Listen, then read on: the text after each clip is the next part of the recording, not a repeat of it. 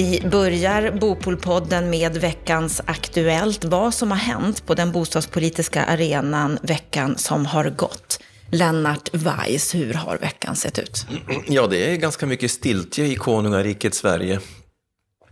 Inte mycket, men det har kommit ett par grejer som ändå är intressanta. Bland annat så har undersökningsföretaget Novus på uppdrag av Stockholms handelskammare ställt bostadspolitiska frågor till 2000 hushåll.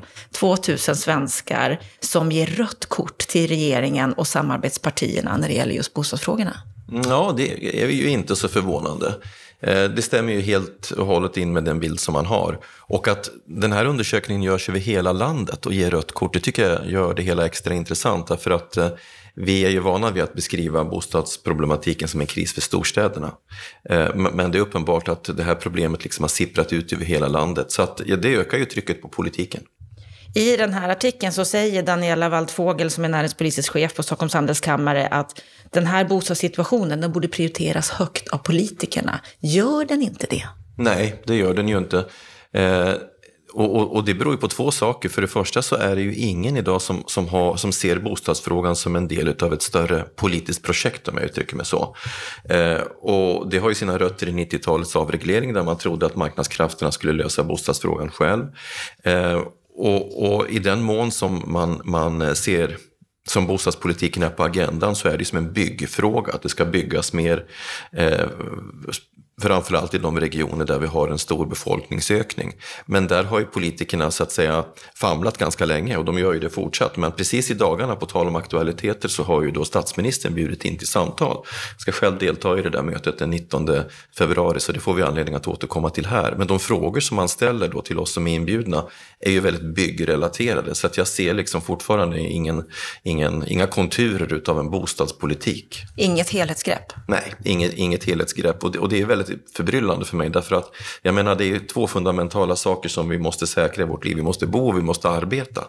Och vi pratar kolossalt mycket om, om, om arbete och sysselsättning och, och arbetsmarknadspolitik. Liksom. Men bostadsfrågan som ju, ja, den är liksom grunden för ett ordnat liv i så många avseenden. Och den, den är så lätt att fylla med färg och innehåll och liksom blod. Det missar man. Det är, det är mycket märkligt.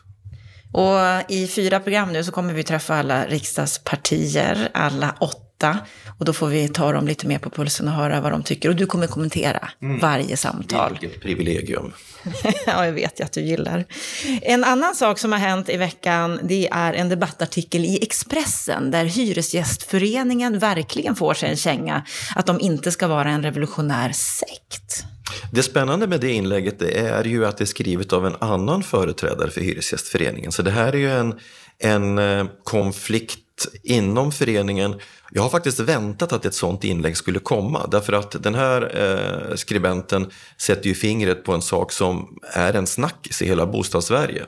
Att en, att en person med rötterna i en extremt liten kommunistisk sekt, trotskistisk sekt, har blivit ordförande för Hyresgästföreningen i väst. Och han trädde ju fram väldigt tydligt i debatten som någon sorts politisk frontfigur. Alltså helt kort, jag känner ju till de här väl. Därför att den här, om vi nu får skämta till det lite, den här trotskistiska världsrörelsen eh, den är ju faktiskt delad i två grenar. Det finns en del som, som sedan 30-talet har verkat öppet och så finns det en gren som, som kallas för enterister som, verkar, som försöker verka inom, dem, inom arbetarrörelsens massorganisationer, alltså en infiltrativ eh, sekt.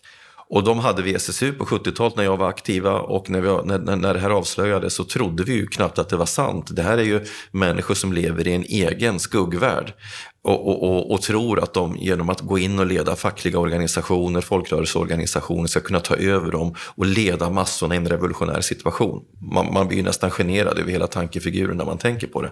Den här, en sån här kille har då tagit över Hyresgästföreningen i väst och precis som ehm, eh, medlemmen eller ordföranden nere i Bohuslän säger så skapar det problem för Hyresgästföreningen. Därför att det förvrider perspektivet och gör att Hyresgästföreningens uppdrag kommer i skuggan av den här killens politiska agenda. Tycker det är bra att, att eh, det kommer en reaktion inifrån Hyresgästföreningen. Det är bra att medlemmarna blir observanta på vem, vem man har valt och jag hoppas ju att medlemmarna i väst förstår sitt eget bästa och byter ut den här killen så fort som möjligt. Är det bara i väst som det här problemet finns? Mig veteligt. Jag utgår ju från att Hyresgästföreningen själva kartlägger det här. Eh, jag tror inte att det finns någon mer, det kanske finns någon enstaka figur på lägre nivå, men samtidigt så ska man inte överdriva eh, eh, farorna för det här, för, för det här är ännu en, en isolerad företeelse. Och Hyresgästföreningen är fortfarande så pass stark, den har en så stark inre struktur att de kommer att hantera det här efterhand. Det, det tror jag faktiskt. Mm. Vi lär få följa det här ärendet också. Det var allt från veckans Aktuellt för den här veckan. Om en liten stund så kommer du Lennart tillbaka för att kommentera samtalet med Centerpartiet och Liberalerna.